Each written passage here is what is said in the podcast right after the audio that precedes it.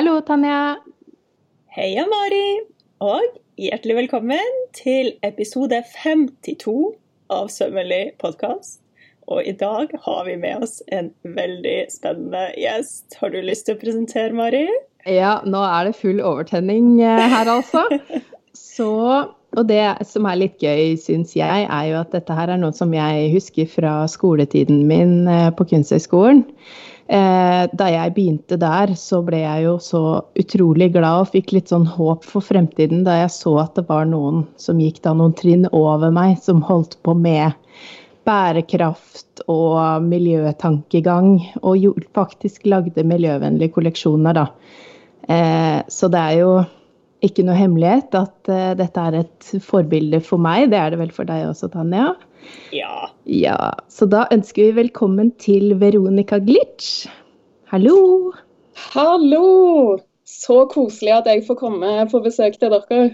Det er veldig stas. Vil du starte med å fortelle litt om eh, deg selv og bakgrunnen din til de som ikke vet eh, hvem du er fra før av? Ja. Eh, jeg pleier å si at jeg er klesdesigner, redesigner, målsømskredder og nå også forsker.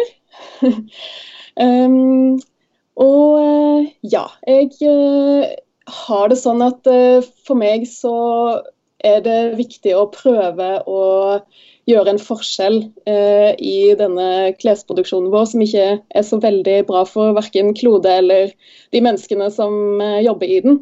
Um, så alt som jeg eh, gjør eh, i faget mitt, det er rett og slett for å prøve å bidra til å snu, eh, være med på å gjøre det bærekraftig, da, både for eh, miljø og mennesker. Ja, vi syns jo det er eh, helt fantastisk, for det er jo sånn man må gjøre det fremover, tenker vi. Og jeg husker jo at du, i hvert fall før da jeg ble kjent med deg, at du hadde eh, kolleksjon bl.a. på Fashion Week. Eh, og da jobba du vel under merket Rethink, som jeg syns er en veldig fin beskrivelse av på en måte hele pakka di. da, At man må tenke nytt. Ja. Eh, Rethink, eh, klesmerket mitt, eh, starta jeg i 2005. Eh, og der jobber jeg da enten med økologisk metervare, eller så tar jeg rett og slett de klærne som har blitt kasta, som ingen vil bruke sånn som de er lenger. Og så redesigner jeg de, eller former de om, til at, sånn at de kan få en ny sjanse til å bli slitt. Fordi um, tankegangen min er at hvis uh, nå et klesplagg allerede har blitt produsert, uansett hvordan, eh, så tenker jeg at i hvert fall at det må bli slitt ut det materialet, og ikke bare bli brukt én gang og så kasta med en gang. Sånn at mm. den eh, livssyklusen på en måte blir så lang som mulig. Eh, og det var jo rett og slett fordi jeg utdanna meg til klesdesigner og fikk veldig sånn eh, idealistiske kvaler. fordi det finnes mer enn nok klær fra før. Sant? Eh, vi trenger ikke Vi kunne sagt stopp nå, vi, og så bare brukt opp det vi har de neste 100 årene. Um, så det å på en måte skulle prøve å pushe på folk enda mer, selv om det nå var økologisk metervare, så eh, ja, da ble det til at vi lærte å modellere, som eh, jo er en eh, teknikk. Hvordan man kan forme klær direkte i 3D. Eh, og så begynte jeg rett og slett bare å modellere i brukte klær. Um, så, og det som sånn rent bortsett fra miljø og ikke-miljø, så er det jo veldig spennende synes jeg, å, å, jobbe både med mønsterkonstruksjon og med modellering blanda sammen. fordi det er noe med at jeg hørte jo òg eh, Tanja, sant? du starter ofte med å modellere, mens du Mari kanskje eh, jobber mer med mønster først. Eh, så eh, det er jo noe med at disse teknikkene eh, å forme et klesplagg på, de eh, syns jeg utfyller og beriker hverandre veldig. Så jeg kan mm. liksom oppdage noe på bysten når jeg modellerer, Eh, kanskje en litt eh, morsom vri, et eh, fint volum eller noe sånt eh, som ble til der. Og så kan jeg da tegne mønster av det til et annet design, f.eks. Sant? Mm. Mm. Fordi eh, sånn bortsett fra det, bare for å si det med en gang, så vet jo jeg òg at eh, det at vi kan gå på et loppemarked og betale 100 kroner og få en søppelsekk med klær. Eh, det, eh, og så drive og redesigne det, det, det løser jo ikke grunnproblematikken. Det gjør det ikke. Men, eh, så det blir på en måte at da skraper vi litt sånn på symptomoverflaten eh, når vi gjør det. Men samtidig så tenker jeg at når den, disse søppelbergene For en del år siden var det 150 000 tonn med tekstiler som vi nordmenn kasta i året. Sant? Når de på en måte først er der, så vil jeg i hvert fall eh, gi de en ny sjanse til å bli slitt. da. Og da kommer vi veldig fort inn på det for meg at eh, klær er jo en så grunnleggende og viktig del av kommunikasjonen vår. Sant? Vi, vi eh, viser hvem vi er, eller hvem vi vil være, hvilken sosiale gruppe vi vil delta i osv. Med hvordan vi kler oss. Og Det er jo eh, en av de eldste kulturelle uttrykkene som mennesker faktisk har holdt på med i uminnelige tider, å kle seg eller pynte seg og sånn. Og eh, det å på en måte ta bort det, altså hvis man skulle liksom gått i en kommunistisk retning og delt ut en kjeledress som var lik, og bare sagt sånn OK, det er denne du har, det ville jo tatt bort veldig mye av nettopp da denne gleden og det kunstneriske og eh, dette her med å føle oss vel. Sant? Da kommer jo også passformen inn, som jeg vet at vi skal snakke om. Så det er jo dette her at eh, klær er jo ikke bare noe som skal eh, beskytte oss mot kulde og vind og vær og den type ting. Men eh, klær er jo også et av de eldste kulturelle uttrykkene som vi mennesker faktisk har holdt på med ja, siden tidenes begynnelse, holdt jeg på å si. Um, så det er noe med at uh, hvis vi uh, hadde gått i en sånn kommunistisk retning og bare sagt sånn OK, nå får du denne miljøvennlig produserte kjeledressen, og den skal du forholde deg til resten av livet, og det var det, så uh, ville vi rett og slett ha ja, gått glipp av veldig mye av uttrykksbehovet vårt. For det er jo noe med at vi viser hvem vi er sant, i forhold til gruppetilhørighet, i forhold til hvem vi føler oss en del av, hvem vi er annerledes enn osv. Eh, og eh, dere har helt sikkert eh, kjent på sjøl å ha på et klesplagg som ja, du står og vrir deg litt i det, og det føles ikke helt riktig for deg. Eh, enten om det er passform eller uh, utseende, rett og slett, på designet. Og da blir det fort sånn at å nei, nå håper jeg ikke at jeg møter noen på gata når jeg har på meg ja, liksom sånn, du, du, føler deg plutselig som uh, feil, da. Eh, så jeg tenker at eh, den biten der, den, eh, det uttrykksbehovet som vi har, det, det, trenger vi også å gi plass til, da, rett og slett. Mm. Eh, nå er du inne på veldig mange spennende tematikker på en gang, eh, Veronica. Det setter vi pris på, for vi er veldig engasjert i alt det her. Eh, men jeg har lyst til å liksom trekke ut én ting, og, som du nevnte litt, og som jeg kanskje håper du kan gå litt dypere inn på. For jeg og Mari har jo gjort researchen vår her, eller vi følger jo nøye med. Så vi vet jo at du bl.a. har skrevet en doktorgradsavhandling eh, der du har satt fokus på passform og dette her eh, bærekraftsperspektivet. Og eh, jeg syns det var en sånn en fin ting som du sa, jeg husker ikke om det var en TED-talk eller en Insta-post eller hva det var jeg leste, men det her med det spørsmålet om hva hvis alle plaggene i skapet var favorittplagg? Det var faktisk likte å ha de på seg og ville bruke de til de var brukt opp. Og det knyter du ofte opp mot dette med passform, og at klær skal passe oss godt, og at vi skal føle oss vel i de. Eh, men da lurer jeg på om du kunne prøvd å definert hva du legger i eh, begrepet god passform på et plagg? Ja, eh, god passform det mener jeg er ganske så individuelt på mange sett, samtidig som det er en sånn skredderfaglig del også. Eh, så, eh, fordi Det som jeg tenker om passform, det er at det, eh, det kan være god passform enten på et figurnært plagg eller et uh, mer løsthengende plagg. Et oversize-plagg kan ha god og dårlig passform. Altså, alle, alle, ulike typer design og uh, ønsker for hvordan plagget på en måte kler kroppen vår, kan ha god eller dårlig passform. Så det, Jeg mener ikke at det er sånn at eh, god passform det er det samme som at da har vi sånn uh, figurnær silhuett, liksom.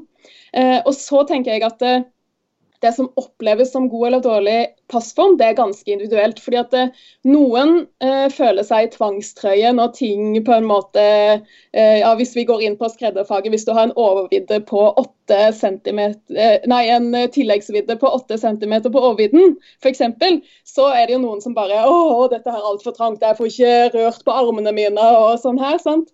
Mens en annen kanskje eh, ville synes at nei, men her er det jo masse rom, jeg ville jo hatt eh, det her skal være tight på en måte. sant? Så, eh, så, det er på en måte den individuelle biten, altså hvordan vi liker at eh, passformen kler kroppen vår. Men eh, så tenker jeg at det, eh, som jeg i hvert fall eh, legger i eh, dårlig passform-kategorien, det er hvis det er f.eks. dragninger, altså sant, at det er typisk bukse, at det er dragninger inn mot skrittet, eller hvis det er Eh, altfor eh, altså Du har en, et skulderparti som bare på en måte henger og slenger fordi det åpenbart er for stort, eller du har et erme som er et klassisk isatt erme, men skulderen er for brei, sånn at den ermkulen ligger og slenger litt sånn utpå ut overarmen der. Da tenker jeg at det, det, kan man si det er dårlig passform på en måte. Sånn rent skredderfaglig. Mm. Ja. Mm. Og så når du, når du, først er inne på det, så tenker jeg at nå som du har jobba med en doktorgrad som eh, Den handler jo mer eller mindre om passform og en sånn metode for passform. Eh, jeg har lest så mye jeg har rukket og klart midt oppi de andre tingene jeg egentlig holder på med. Det er jo så spennende. og så lurer jeg på, fordi du er jo en ung dame som har skrevet en doktorgrad. Og hvordan har du liksom klart å jobbe nok med passform til at du har uh, kunnet skrive en dok doktorgrad om det? Det syns jeg er veldig interessant. Fordi du har vel jobba med kundesøm i noen år og på en måte uh, en del erfaringer da, som tilsier at du kan uh, si hva som er god og dårlig passform, hva som går igjen. Jeg følte jeg ble mange spørsmål i ett her, men jeg håper du klarer å, å ta ut en, et slags uh, et slags felles trekk. ja, absolutt. absolutt. Mm. Eh, takk for eh, komplimentet først. At jeg fortsatt er ung, da, det liker jeg veldig godt å høre. eh, men eh, jeg skal forklare det som, det som er det at eh, når man gjør en sånn vitenskapelig forskningsstudie, så er jo første oppgaven å rett og slett finne ut av hva vet vi fra før av på dette feltet. Eh, fordi at Det er jo ikke meningen at man skal drive og utforske noe som allerede har blitt funnet ut. sant? Man skal jo mm. bygge videre da, sant, på det her store kunnskapsbygget.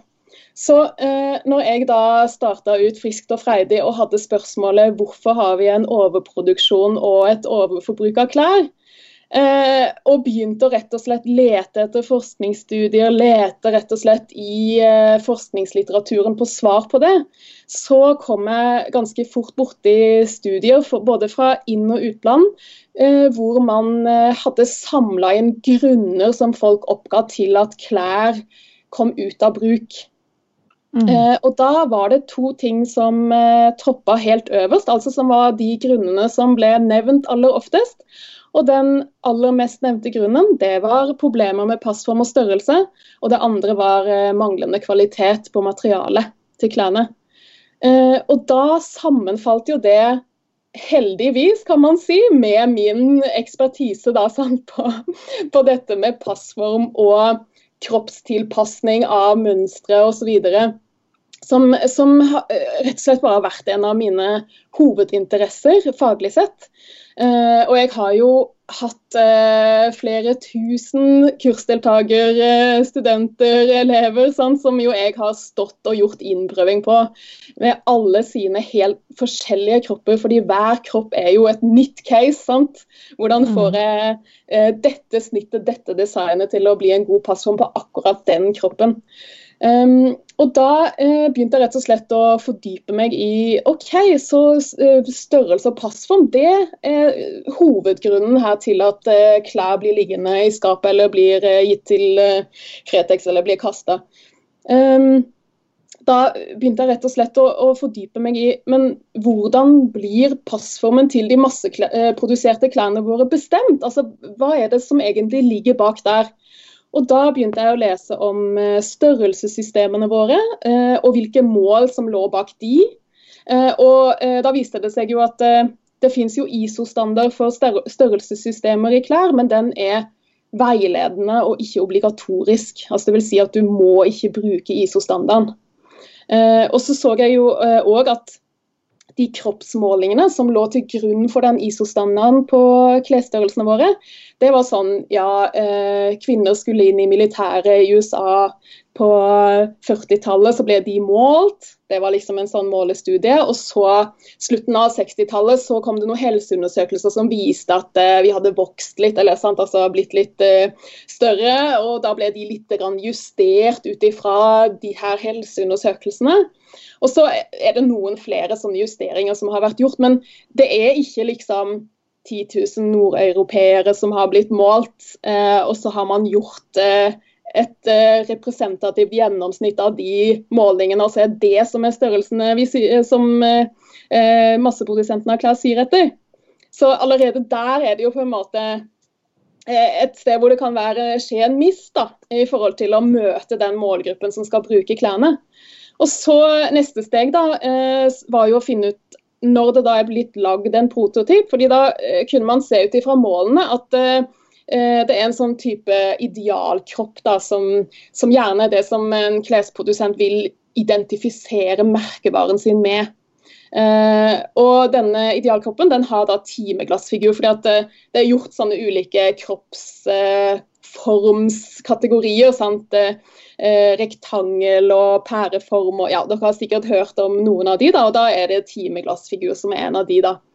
Og at det er den som er på en måte den regjerende eh, kroppsformen da, som ligger til grunn for de masseproduserte klærne. Og så så jeg jo da at eh, så begynte jeg å gå inn i graderingspraksisen. altså Dvs. Si når, et, når en prototyp har blitt designa, og den da skal forstørres og forminskes til da de f.eks. ti størrelsene som skal ut i butikk. Um, da er det gradøren som, eh, som, får prototypen, og som da gjør denne jobben. Og Da så jeg òg at eh, den graderingen den skjer veldig sånn lineær og skjematisk. Altså, eh, det er visse sånne grade breaks. altså sånn eh, hvor, hvor, mange centimeter hopper vi opp mellom størrelsene. Som er sånn OK, de tre minste størrelsene de har dette, denne avstanden, dette størrelseshoppet. Og så er det litt mer på de tre midterste, og så enda litt mer på de tre siste, f.eks.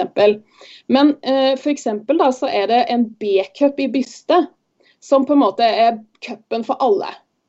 Eh, mm. Så, så, da er det jo ikke tatt hensyn til at eh, eh kanskje man kan si at eh, bysten også vokser litt i takt med kroppsstø kroppsstørrelsene, liksom, f.eks. Så det er jo noe med at de, de som da trenger eh, de større størrelsene, og hvis de da har litt stor byste i tillegg, og så er det egentlig en B-cup som er bygd inn der, så må de jo kanskje enda høyere opp da, for å få plass til bysten sin, sånn at resten bare blir sånn hengende og slengende. Ja, mm.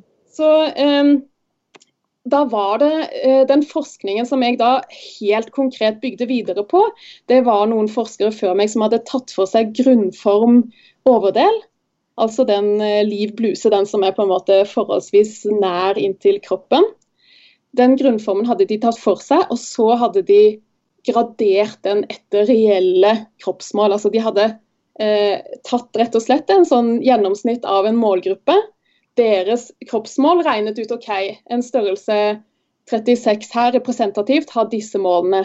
En størrelse 38 representativt for denne eh, befolkningsgruppen har disse målene osv. Og, og så hadde de rett og slett da gradert grunnform overdel etter disse her kroppsmålene. Og Da så man jo at eh, den graderingen den så jo helt annerledes ut enn det vi er vant til å se. For når vi ser et gradert mønster, så er det veldig sånn Alt vokser litt sånn omtrent jevnt utover der og litt sånn. sant? Mm. Mens, eh, mens, denne, um, denne grunnform overdel som var gradert etter virkelige kropper, da, som var representative. Eh, der er det liksom OK, så flytter sidesømmen vinkling, og så, og så, vokser det litt mer ut der, og så litt mindre ut der. sant?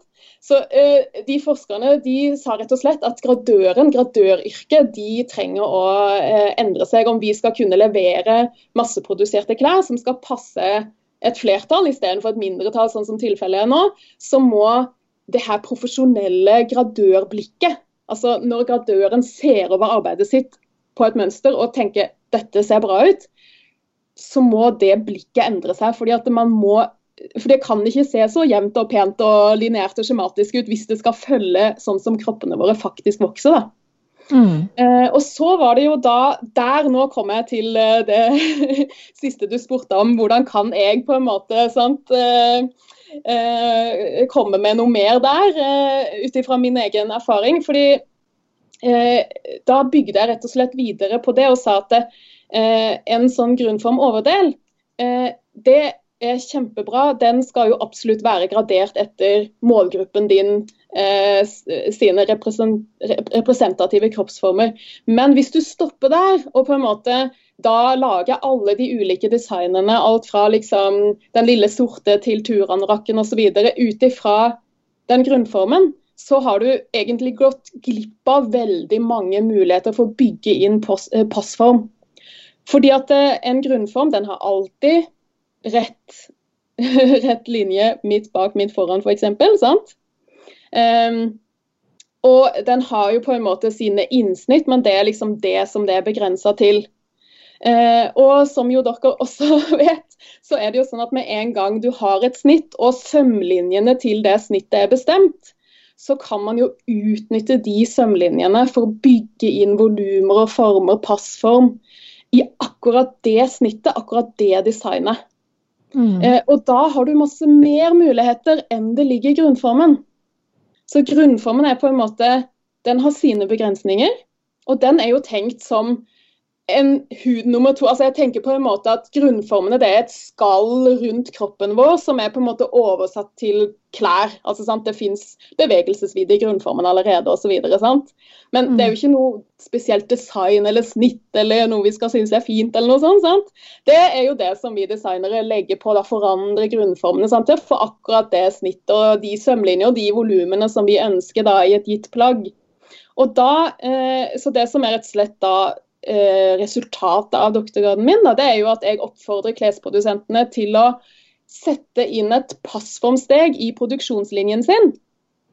Som da er at eh, gradøren samarbeider med designeren og mønsterkonstruktøren og når det er bestemt at OK, nå har vi denne lille sorte, den skal ha prinsessesnitt, og den skal ha eh, litt vidde her over hoftene sånn og sånn, den skal være ermeløs hit og dit, sant? altså vi har bestemt hvordan kjolen skal se ut, så utnytter man da rett og slett det spesifikke snittet og bygger inn da god passform, som da tilsvarer de størrelsene som man faktisk skal møte når klærne eh, henger i butikken. Så den lille sorte vil fortsatt se lik ut, men det vil være bygd inn ulike kroppsformer fra størrelse til størrelse, som da møter flertallet av målgruppen. Da.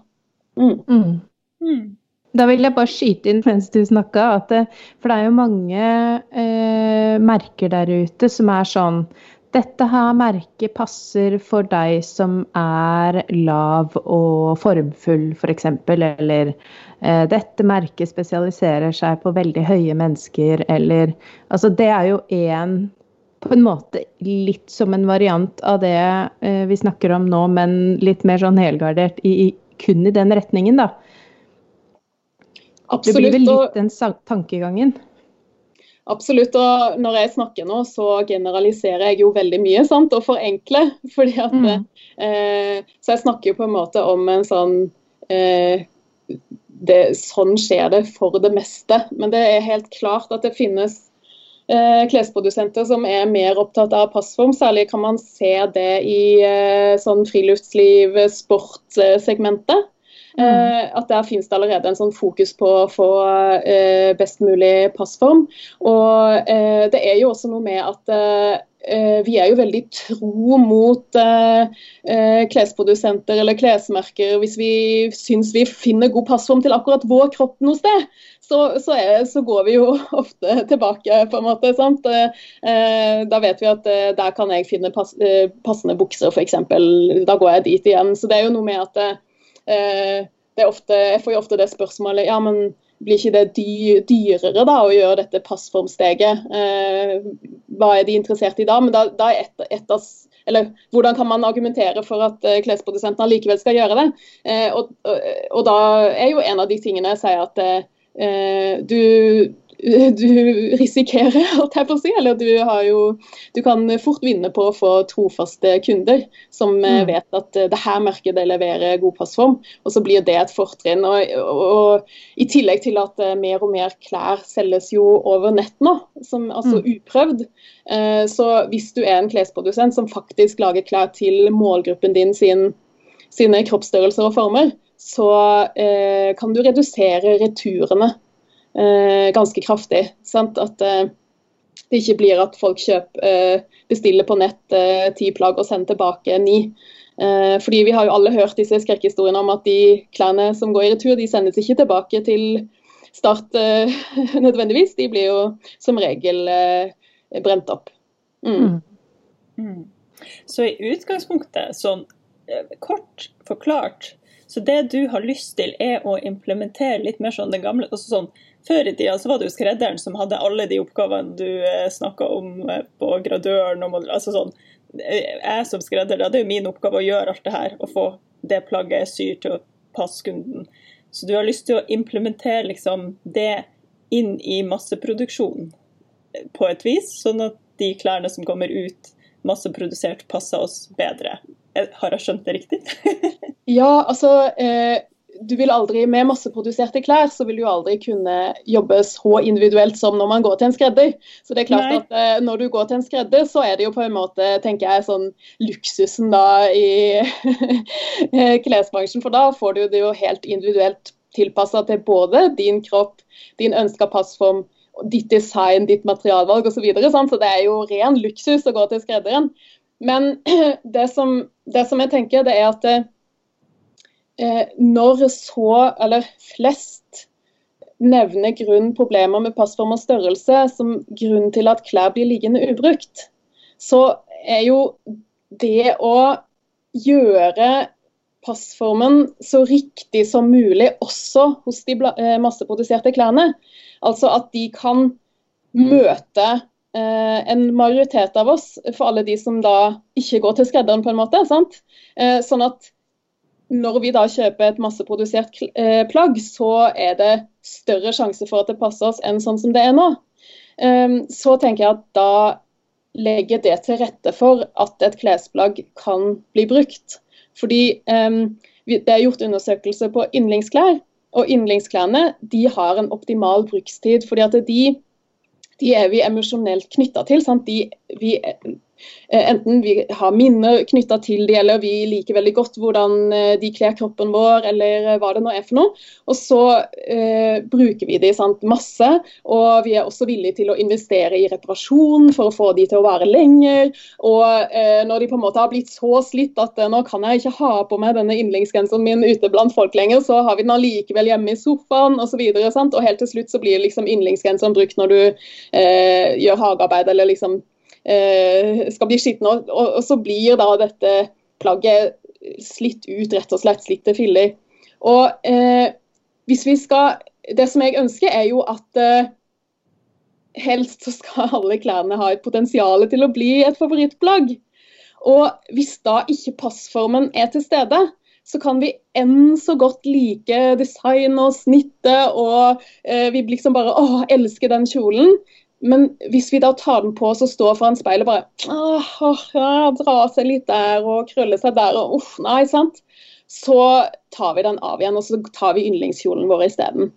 Så, så det at det å forbedre praksisen hos de masseproduserte klærne, sånn at de faktisk blir sydd til den målgruppen som skal ha de, det kan legge til rette for at vi kan få en optimal brukstid. da. Mm. Kan jeg bare spørre om en ting her nå kjapt før jeg glemmer det? For det er også heller ikke etter manus.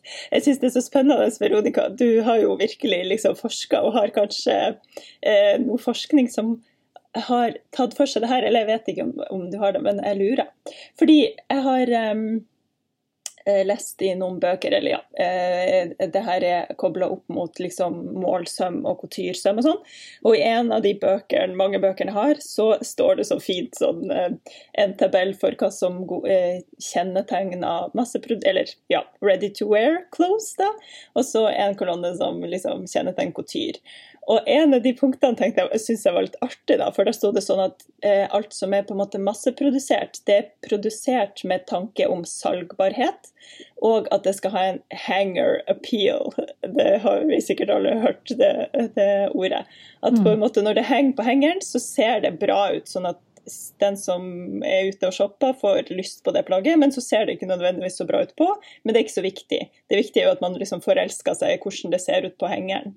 Mens alt som er målsydd, og der man ivaretar alle de volumene i, i, etter grunnformen og, inn, og baker inn volum i innsnittene og alt det, eh, de ser jo kanskje ikke så sexy ut på på kleshengeren, så det er ikke så mange som strekker seg etter de.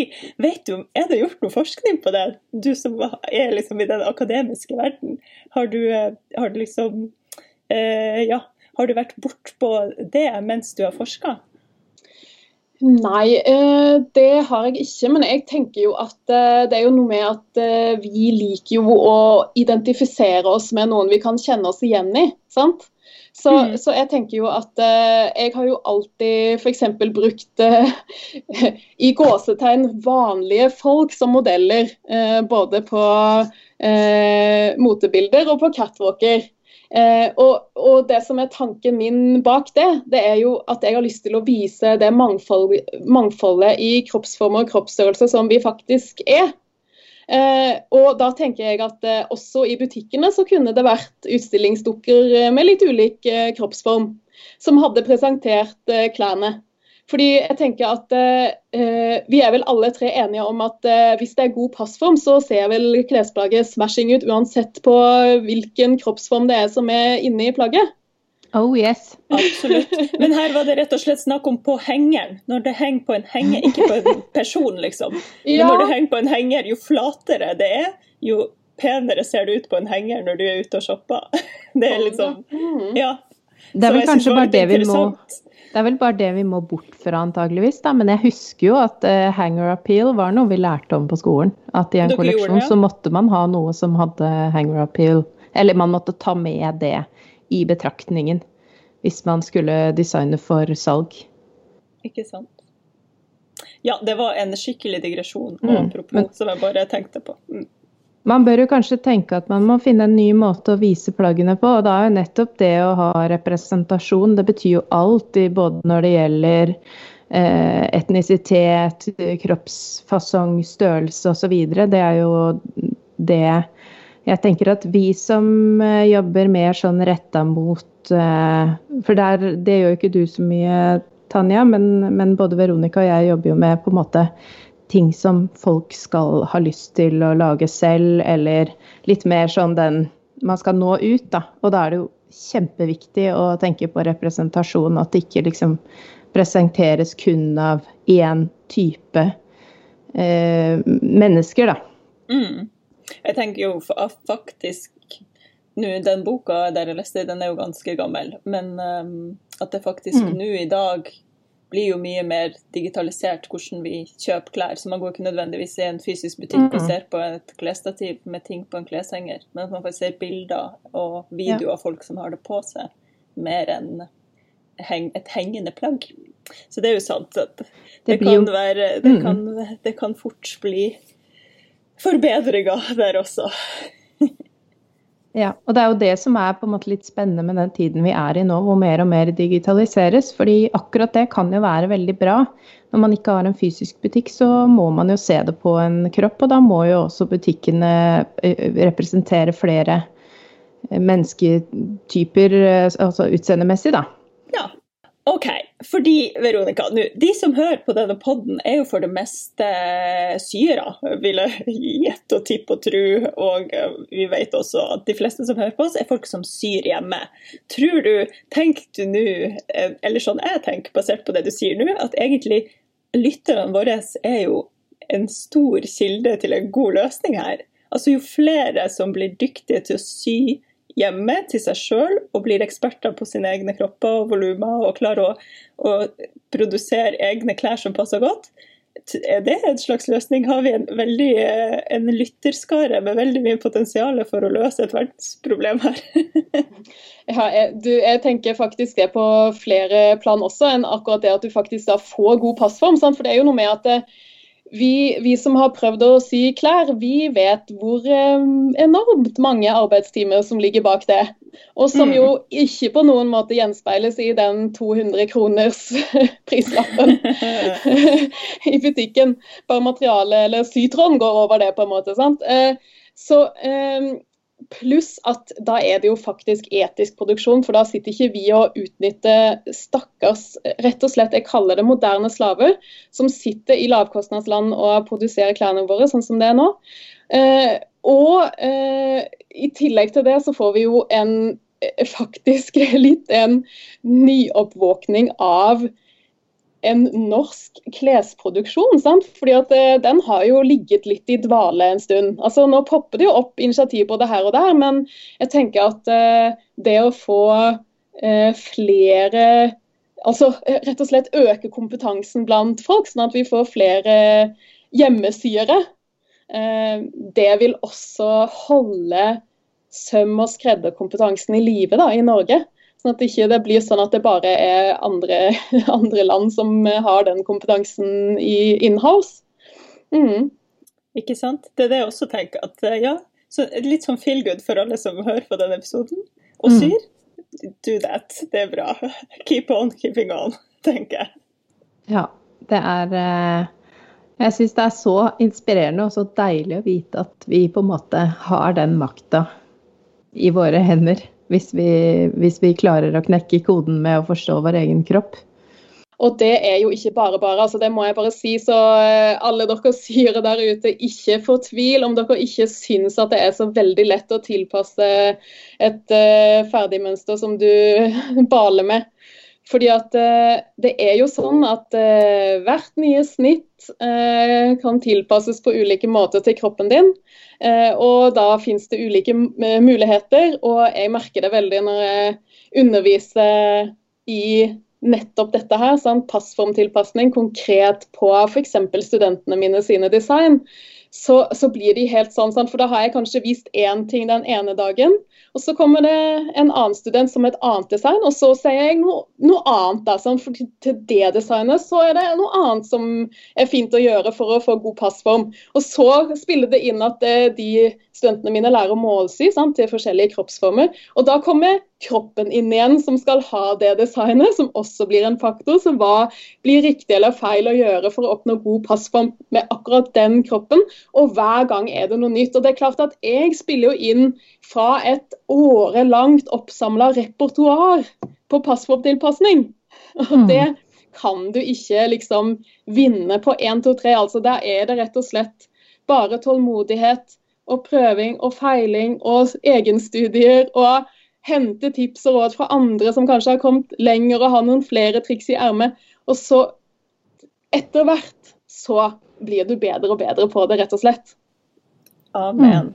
Vet du, jeg hadde faktisk nettopp et sånn digitalt eh, webinarkursopplegg med eh, tilpasning til Bol, der jeg også hadde en liten sånn tirade om at eh, folk ikke må gi opp. Fordi, og jeg tenker også hvis, hvis hjemmesyreren klarer å switche opp i hodet sitt fra at det blir mindre frustrasjon og mer forskningsenergi inni det, at oi, dette satt ikke bra hvorfor ikke? Altså, at man liksom klarer å bli mer en forsker enn å føle at å, nå fulgte jeg alle stegene, og så funka det ikke. Fordi, ja, ikke sant. Det er igjen til det du sier, Veronica, vi har alle så unike kropper. At det skal godt gjøres at å følge alle stegene skal passe til alle. liksom. Altså, Det kommer ikke til å skje. Det er bare å glemme. Mm. Nei, nei, og da tenker jeg på noe som dere Jeg tror det var i den uh, søvntips-episoden deres, uh, som var nettopp. Uh, fordi da sa dere det her at prøv på plagget liksom hele, hele, tiden, og det er jeg også helt enig i. Altså Med en gang det henger så vidt sammen, så prøv, prøv, prøv. Eh, vent med alle lukninger, hetter, belegg, detaljer, lommer. sant? Få liksom mm. hovedsømmene sammen. Og så prøv det på. Og er du ikke helt fornøyd da, så må du gjøre noe med det da. Sånn, det, jeg tror det var du, Tanja, som sa det. Det er ikke ja. vits å fortsette, fordi at det, det, blir ikke bedre etter hvert. Så, så, det å på en måte heller ta deg en pause da, gå og lag deg en god kopp kaffe. fordi at det er jo sånn, så du, du, Vi kjenner sikkert alle igjen i at vi blir så ivrige. Sånn. Vi vil så gjerne se hvordan dette plagget blir ferdig, og vi gleder oss sånn til det. Og, og, da kan det noen ganger være litt den sånn at vi bare må ta en pust i bakken og få klare å sprette opp igjen. Og bare OK, hva gjør jeg nå? Nei, den ble for kort der, ja. OK. Skal jeg klippe et nytt, nytt erme? sant? Det, det, er liksom noe med det, men det lønner seg så veldig å ta de rundene og være litt grundig i, mm. eh, i den eh, tilblivelsesprosessen av et plagg. Fordi at det er det som rett og slett er magien. Mm. Og vi må jo også gjøre tilpasninger og, og, ta oss det bryet, selv om vi ikke Vi syns jo ikke alltid det er kjempegøy, vi heller, liksom. Eh, selv om vi jobber med det. Absolutt. det er jo greit å notere seg, liksom, at vi er alle folk, og vi vil jo veldig gjerne til mål, hele gjengen. Men jeg ville også veldig gjerne høre litt mer om den undervisningsjobben din, for det har du jo nevnt litt så vidt. Men, men der er det jo er, Nå er det helt sikkert kjempemange som har lyst til å, å, finne ut om det er mulig å gå på kurs hos deg, eller lære litt om alt dette passform Altså, du er jo nærmest en passformguru i det norske symiljøet. Så det er jo De vil sikkert gjerne vite hvor, hvor ja. finner de deg? ja. ja. det er jo rett og slett sånn at jeg var uh, veldig heldig, syns jeg sjøl, i i forkant av 2012 så ble jeg spurt om å utvikle en uh, studieplan for et nytt studietilbud da, på det som heter Universitetet i Sørøst-Norge, og som da er Institutt for tradisjonskunst og folkemusikk. Og det her, denne campusen, da, Rauland, den ligger oppe i en liten fjellbygd helt ved, i Telemark. Eh, og der eh, kan du ta en bachelor i folkekunst og velge da tekstil som ditt materiale. Du kan også velge tre eller metall.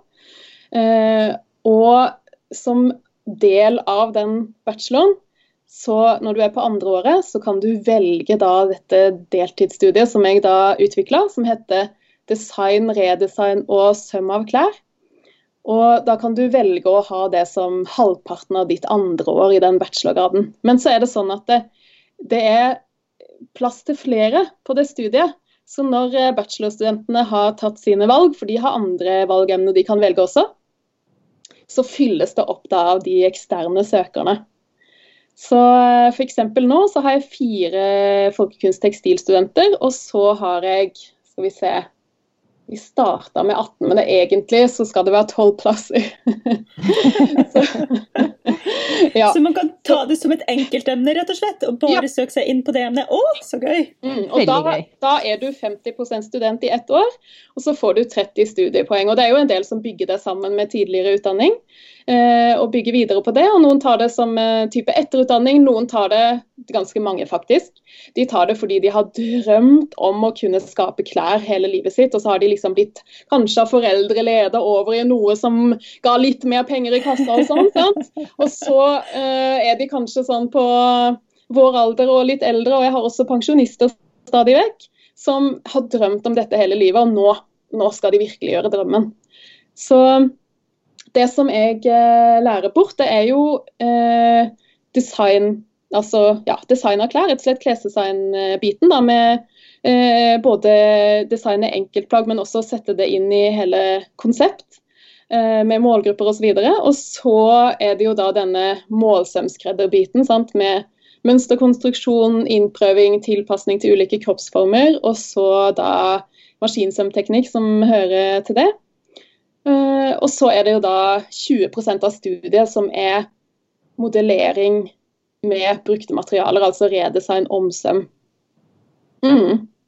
Og så er det eh, sånn at eh, for en stund tilbake så ble det klargjort for et andre år. fordi at det helt fra første kullet jeg hadde høsten 2012, så har studentene skrevet til instituttleder og krevd at skal, de skal kunne komme tilbake til meg og få lov å fortsette å lære. Så eh, nå har det vært i planen en stund at det skal komme et andre år, så da har jeg Fordi at eh, Før så, så, kom vi oss gjennom alle plaggtypene på det halvåret i full fart. altså sant? Overdelsplagg, skjørt, kjoler, bukser, helfora jakker. Um, men eh, når det da var uh, øyne for et andre år, så har jeg rett og slett fordelt det sånn at vi kan fordype oss mer. Så nå er det det som de plaggtypene vi jobber med på første året, er da skjørt, overdelsplagg og kjoler. Og så er det det planlagte andre året. Da kommer det bukser og helfora jakker, og da jersey, mønsterkonstruksjon og jersey eh, sømteknikk. Gøy. Så gøy. Og da, da, er det liksom både fokus på dette med passform, sånn som du sier, at du må veilede på det, men også det sømtekniske og liksom selve designprosessen, så de får i, i pose og sekk. Ja, altså jeg tenker at mitt mandat, for dette her er jo eh, statlig finansierte studier. sant? så det er jo vi med skattepengene våre som betaler for de som eh, får lov til å lære det her. Eh, og da tenker jeg da, da er jo mitt mandat å gjøre folk i stand til å være yrkesutøvende på dette fagfeltet. På den ene eller andre måten. Så når jeg former undervisningen min og velger ut det som jeg lærer bort, så tenker jeg hele tiden hva er det du trenger å kunne hvis du skal være i en yrkessetting. Og Om det er på egen systue, eller om det er i teater, film, kostymeproduksjon, eller om det er som lærer på en skole, eller om det er eh, som målsømskredder, eller eh, som du, Mari, som er mønsterprodusent og designer, eller hva det nå er for noe, så, så, eh, så tenker jeg hva er det du trenger av faglige skills da, for å faktisk kunne eh, jobbe der ute. Og det, eh, det er, jeg synes det er veldig gøy å se. fordi eh, Mari, ja, dere var begge to med på det digitale sytreffet som var for en stund siden. Mm. Da var det jo tre tidligere studenter av meg som var bidragsytere, og da sitter jo jeg stolt, vet du. og ser at mine små elever, eller store elever, har har eh, skapt seg et levebrød helt eller delvis eh, etter å ha vært student hos meg. Så det syns jeg jo er kjempegøy. Veldig gøy. Veldig kult. Men så kan man, man kan også gå på kurs hos meg, man må ikke bli 50 student med en gang. Jeg har jo sommerkurs på Raulandsakademiet, ukeskurs. Tre forskjellige hver sommer. Og jeg har også en del Vanligvis, nå har det vært en del avlyste kurs, men vanligvis så har jeg også en del helgekurs rundt omkring i landet. Og da er det ulike arrangører som rett og slett eh, hyrer meg inn, da. Mm. Mm.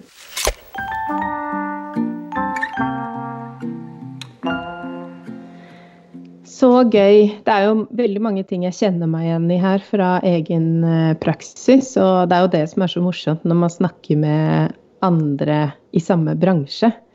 Det er liksom at vi er mange som kan jobbe med litt sånn litt beslekta de samme tingene, men ikke helt fordi alle har sin vri og sånn. Det er veldig fint. Mm, absolutt. Eh, jeg har, har sannelig med et eh, spørsmål til. holdt jeg på å si. Eller jeg vet ikke om dette her kanskje er et litt for avrundende spørsmål, men jeg skyter det jeg ble litt nysgjerrig her eh, på her nå mens vi prater. Um, nå har jo du, sant, du har skrevet doktorgrad, det er jo helt sånn eh, eh, hjernesprengende for meg. Åh, det høres bare så fantastisk ut å kunne liksom forske i et tema innenfor eh, faget vårt, og så kunne ha en eh, eh, doktorgrad i sekken.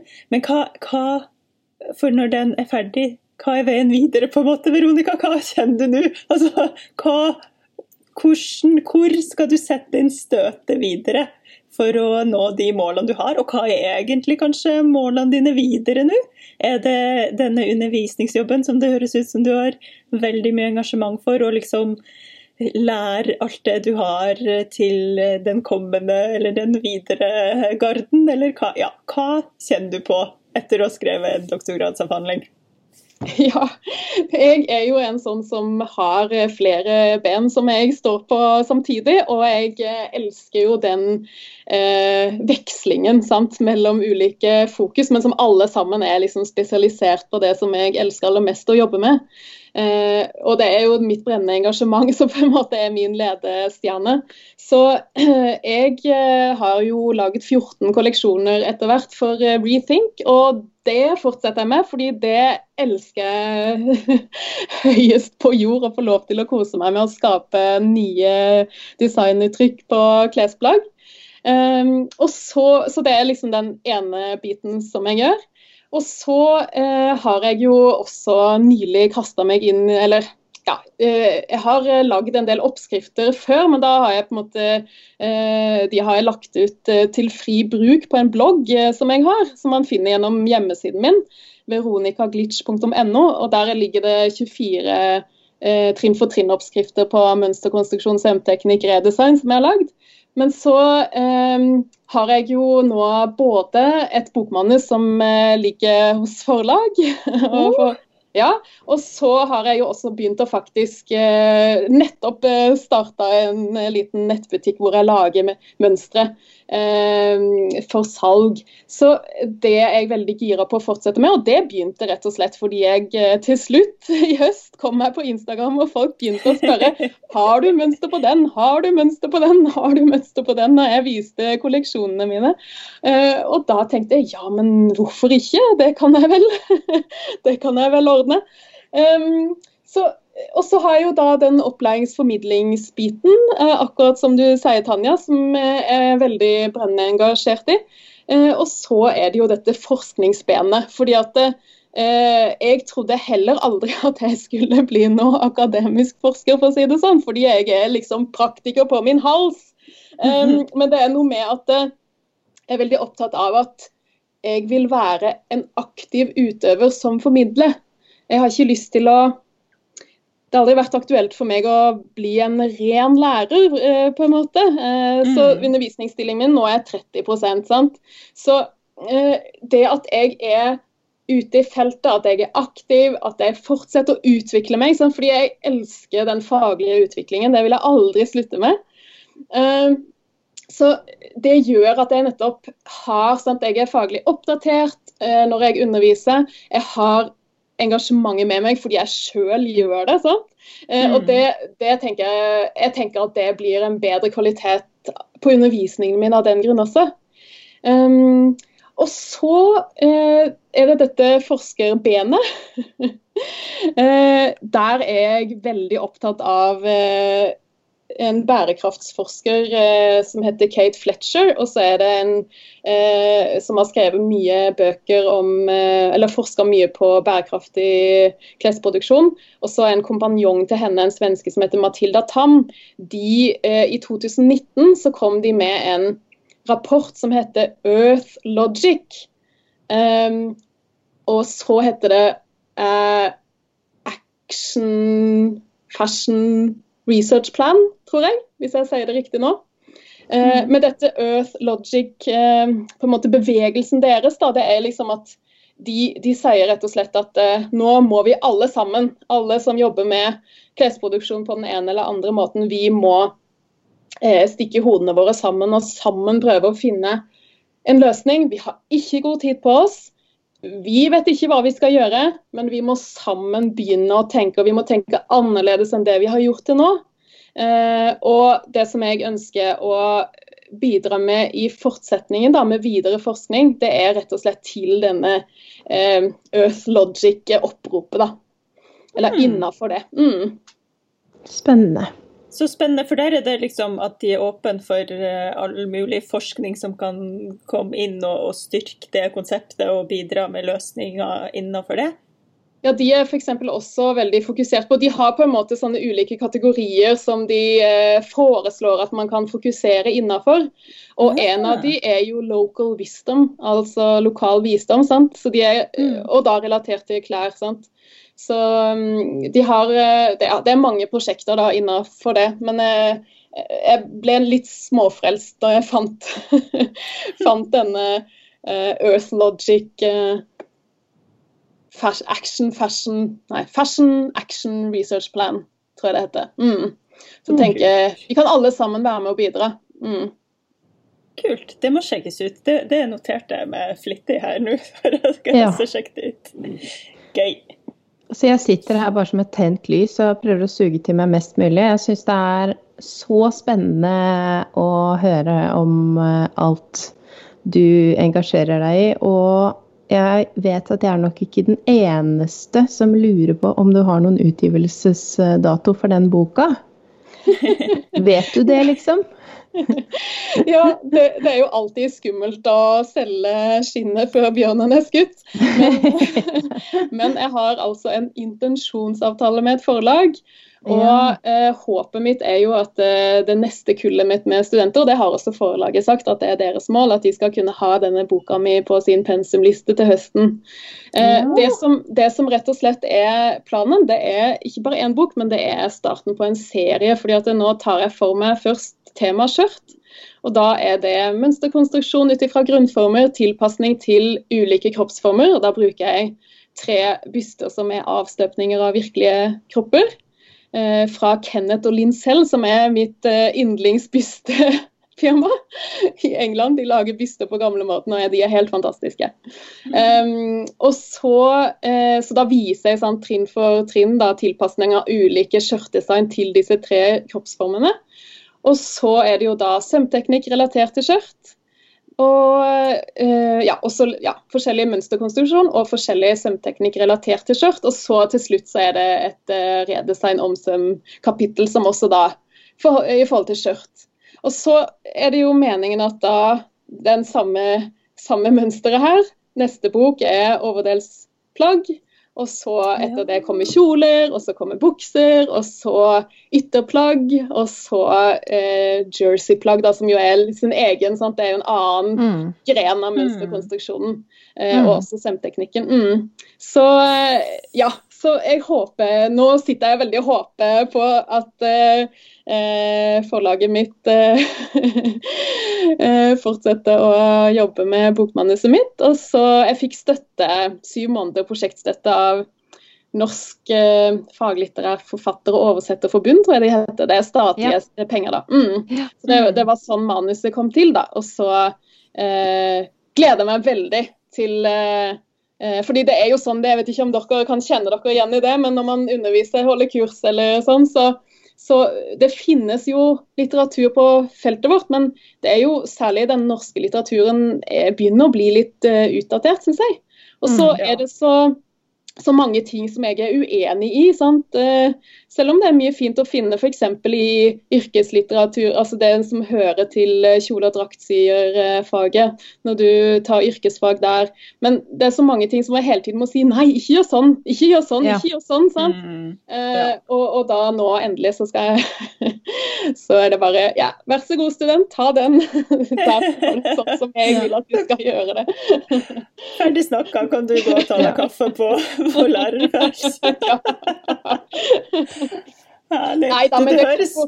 det, kan jo aldri dekke alt, sant? fordi det er jo noe med Særlig det med passformtilpasning. Det blir jo bare noen eksempler. sant? Mm, Så, mm. fordi at, uh, Som vi har snakka om før, det er individuelt. Men mm. jeg tenker, fordi akkurat det med passformtilpasning, det syns jeg er et særdeles neglisjert område i litteraturen, altså. Ja, det er ikke spesielt finne, i den norske. Ja, ikke mm. lett å finne noe som helst å se på der. Så jeg tenker at det at jeg i hvert fall begynner på å prøve å formidle det, så får man heller bygge på og bygge på.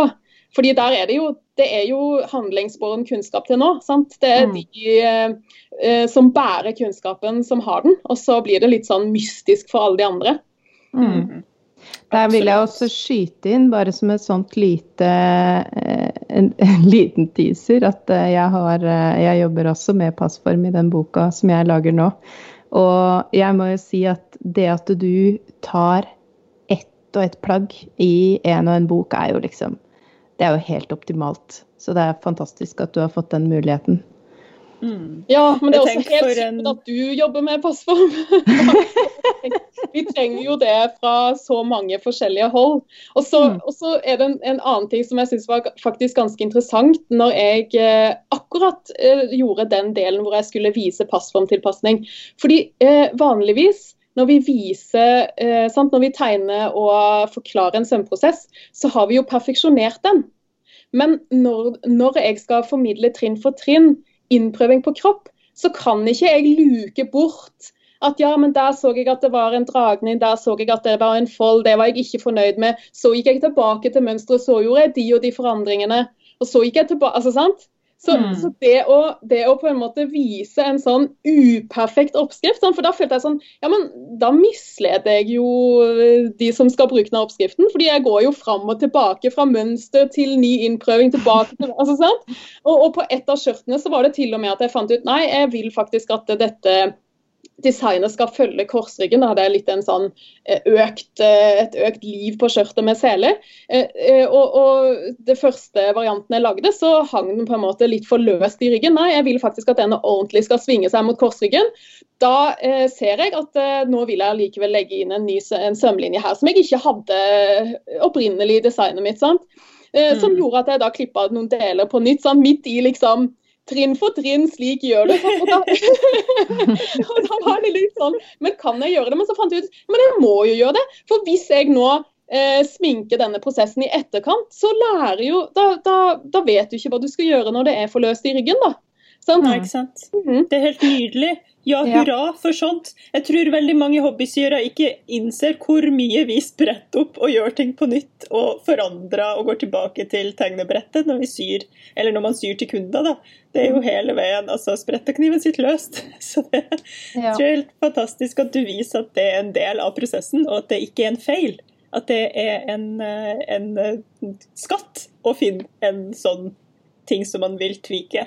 Absolutt. Ja, jeg syns også det er helt, eh, helt, supert, og det kommer til å bli en så god bok å følge når man har på en måte gjennomsiktighet i alle ledd. da høres ut som en gavepakke, denne bokserien. Da vet ja. alle som hører på, på podden ja. hva de skal ønske seg til jul de neste årene. ja.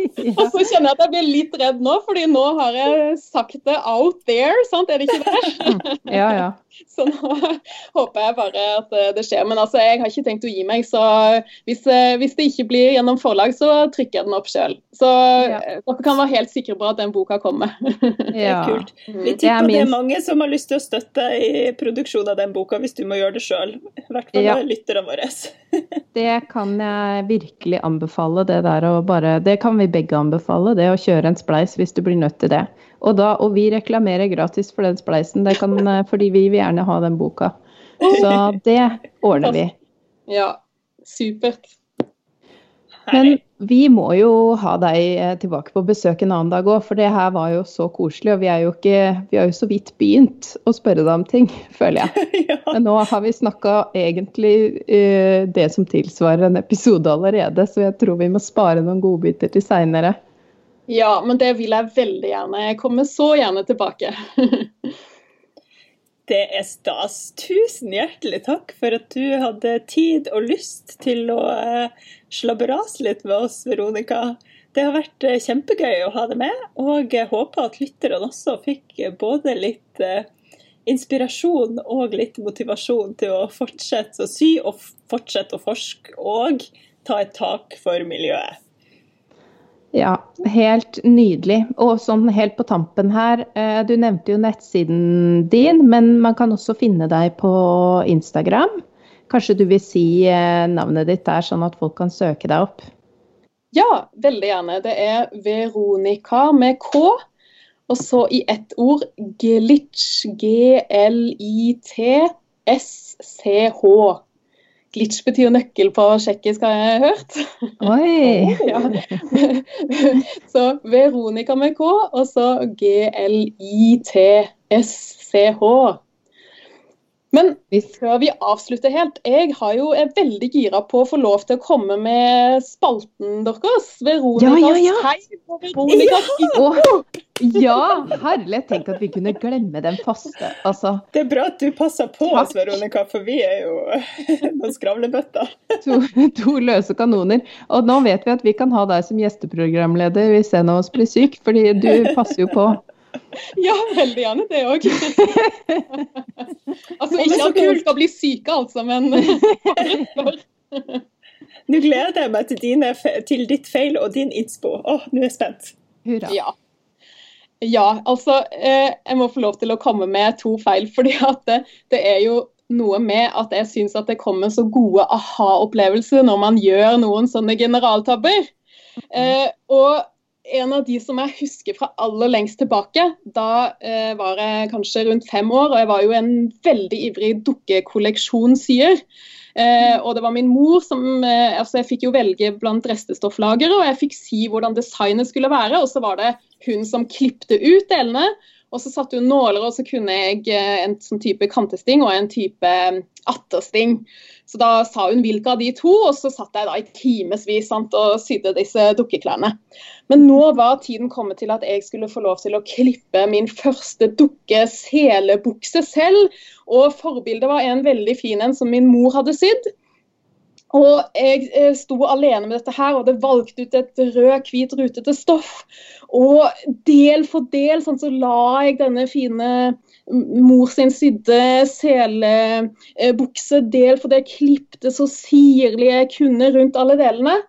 Og så, når jeg da skulle sy sammen, så var det jo ikke noe sømbånd. Oh. det, det, kan alle gjøre. og jeg prøvde da å redde det her, for det var jo så utenkelig for meg å skulle klippe på nytt, for jeg hadde jo holdt på med dette her. Så jeg prøvde da med sånn type knappehullsting som Eller sånn her um, eh, pleddsting. Jeg husker dere var litt usikre på Jeg hørte en episode Tungesting, ja. Tungesting heter det, ja. Så prøvde jeg liksom å bruke minst mulig sømmer, men allikevel ble jo denne selebuksen for liten for den dukken som skulle ha. Så da lærte jeg meg du må alltid ha sømmene. Det lærte jeg meg så grundig og vel. og det lærte du veldig tidlig. Det er jo veldig ja, deilig at du fikk den leksa så tidlig. Noen får den jo ikke før man er 30 pluss. Det er vondt. Ja. Men det gjorde det kanskje litt vondere som femåring enn det gjør som 30-åring òg, ja. når jeg tenker meg om. Ja. For da har du Ja, jeg må fortelle om en feil litt lenger fram i tid. Da skulle jeg sy si kostymer til en eh, forestilling. Og eh, da gikk jeg, eh, hadde, holdt jeg på med en årsenhet design og søm av klær på det som het Høgskolen i Oslo før, men som nå er Oslo Met. Eh, og da hadde jeg nettopp eh, dykket inn i vrangsyingens verden. sant? Altså Vi hadde lært å sy draktjakker, og hvordan du da kan ha åpning i ermet. Og på magisk vis eh, sy sammen alt sammen helt ferdig, og så vrenge det ut gjennom dette forermet. sant? Mm. Um, og nå skulle jeg da, Oppdraget var å sy tolv like vester, og de skulle ha et stoff på hver side, og de skulle brukes på begge sider. Da, sant? Eh, så, ulike deler av teaterstykket. Og jeg tenkte ja, nå skal jeg være så effektiv. Jeg hadde klippet ut alt samtidig. Jeg skulle sy i sånn her type serieproduksjon. Sant? Alle de samme sømmene eh, samtidig på alle tolv. Hadde da holdt en liten åpning i den ene sidesømmen. Vrangsydd alt helt komplett. Og så skulle jeg da vrenge den første av de tolv ferdig vrangsydde vestene gjennom åpningen i sidesømmen. Og vet dere nå hva som skjedde, Tanja og Mari? Ja. Mm. Det går jo ikke. Når du har to ermehull og en halsringning med en åpning, så går det ikke å vrangsy alt sammen ferdig og så vrenge det ut gjennom en åpning.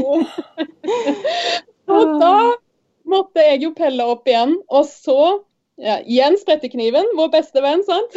Mm. og så jeg skal ha dette vrangsydd. Det blir ikke noe håndsøm, håndsøm rundt disse tolv eh, ganger to ermehullene. Jeg skal finne en løsning. Og så greide jeg jo da å finne ut hvordan jeg kunne få vrangsydd alle disse ermehullene allikevel da, gjennom den åpningen. Men jeg fant ut at jeg måtte gjøre det først fra skulder til sidesøm, og så vrenge tilbake.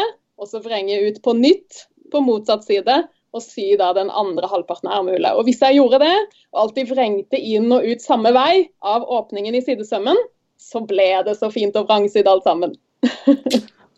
men for en sur lekse når det er tolv stykker. Det føler jeg er sånn rekord. Nei, men vet du hva? Hadde det bare vært én, så hadde du kanskje sydd for hånd. Men fordi det var tolv, så bare måtte du finne en løsning, tenker jeg. Jeg tenker at det her var Guds gave. Ja. til, til å klekke en bra løsning. Ja. ja. Nå er jo alle ermeløse kjoler og alle, alt sånn her som jeg lærer bort, eh, er jo samme teknikken. Nydelig. Mm. Så kult! Å, det, var, det var skikkelig snacks her på ja. tampen. Ja, gode feil. Gode feil, det. det liker vi. ja. Og så inspirasjonen, da. Hva er det? Ja. Da, da kommer jeg med en inspirasjon på hvert av mine områder. Og først er det da designinspirasjon. Da er det et uh, merke som heter Knapp. Eh, og jeg husker ikke helt hvilket land det er fra. Det er, om det er Bulgaria, lurer jeg på, kanskje. Eh, men det er det verdt å sjekke ut. Altså På Instagram så heter de Knapp med to p-er, understrek, og så brand, altså brand. Eller så er hjemmesiden deres knapp.bg. Og mm. der er det rett og slett, for jeg beundrer folk som har en sånn originalitet i designet sitt, og som bare rendyrker det. og som bare altså, ja, hvor det bare kommer og, og, som ikke står stille. altså Hvor det bare kommer nye og nye og nye kolleksjoner. og Allikevel så kan du på en måte kjenne igjen sant? en sånn designidentitet. Men de syns jeg har et enormt mangfold, altså, eh, hvis man går bakover i årene og ser på kolleksjonene deres. Eh, og så er jo de også Jeg tror det er to stykker som har det merket sammen. Eh, så er de også veldig opptatt av sømmenes linjer og sånn, og det er jeg sjøl òg i mine design. Så det er jo også spesielt derfor de inspirerer meg eh, veldig fint. da. Men jeg pleier også å bruke de som godt eksempel på kolleksjonsoppbygging. For det ofte kan studentene mine være litt sånn ja, men hvordan, hva er en kolleksjon, og hvordan får jeg ting til å henge sammen? Og, og, og hva, hva, hva tilsier at dette plagget, dette designet får være med eller ikke med? og sånn. Så, så det å bruke både snittdetaljer, litt eh, materialvalg, litt eh, farger og mønstre, sånne ting.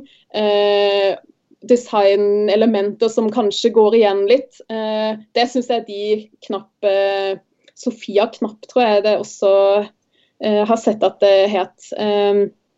er veldig gode på å vise da, i sine kolleksjoner. Det er veldig fine helheter. Men det er nytt, det er liksom nytt konsept hver gang det kommer en ny kolleksjon. Så er det noe nytt. Mm.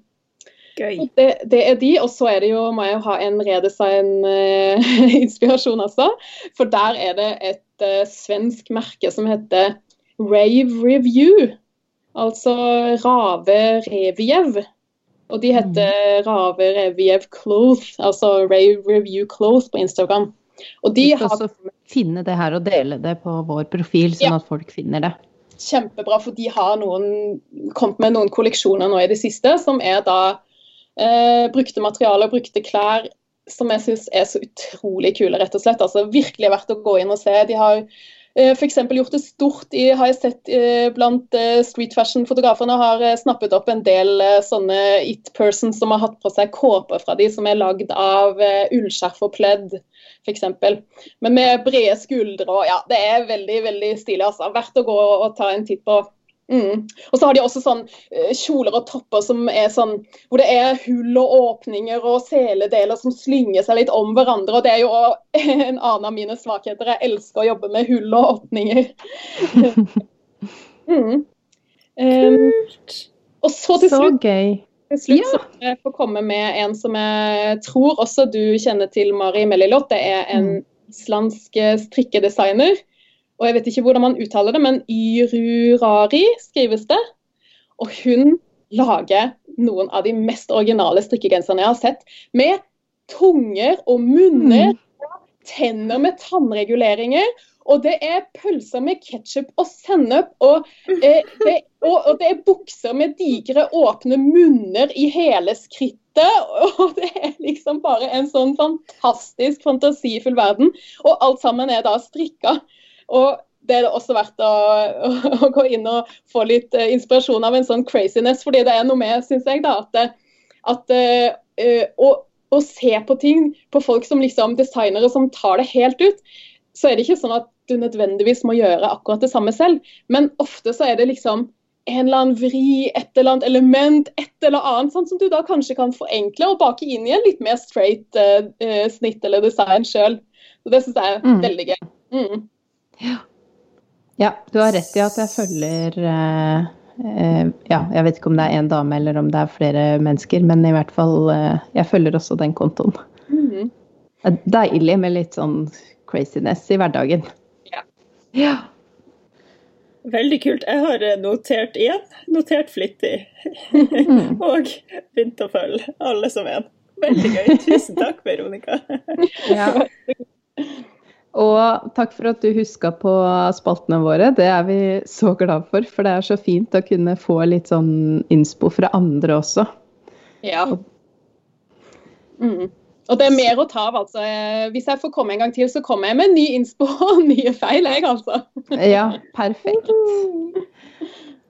Og da må vi bare si igjen tusen, tusen takk. Det har vært så gøy å snakke med deg eh, i dag. I like måte. Jeg har storkost meg. Så når jeg får lov til å snakke med andre fagnerder, så er det Ja. virkelig utrolig stas. Så tusen takk for at dere inviterte meg. Takk. Herlig. Takk Ja. for i dag. Så må vi bare si god uh, lykke til til folk der eh, hjemme, kanskje, da, eller god, god uh, forskning. Er det ikke det vi oppfordrer til i dag? Jo, vi kan, vi kan oppfordre til det. Ja.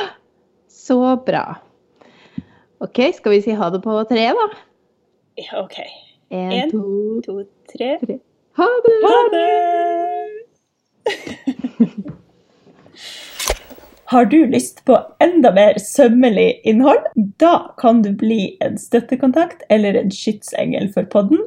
Da går du inn på www.patrion.com slash sommelig. Der får du masse mer tips og triks, og kan også støtte podden, så vi kan fortsette å produsere den. Har du noe ris eller ros, eller har lyst til å følge oss på sosiale medier, så finner du oss på Instagram. Der heter vi sommeli-podkast med k. Og du kan gjerne sende oss en mail på sommeli.podkastmedk.gmail.com. Og så vil vi si tusen takk til Andreas Prestmo i Wildhagen Studios, som eh, klipper og får oss til å høres fine ut. Og tusen takk til Synnøve Overid, som lager den fine musikken vår.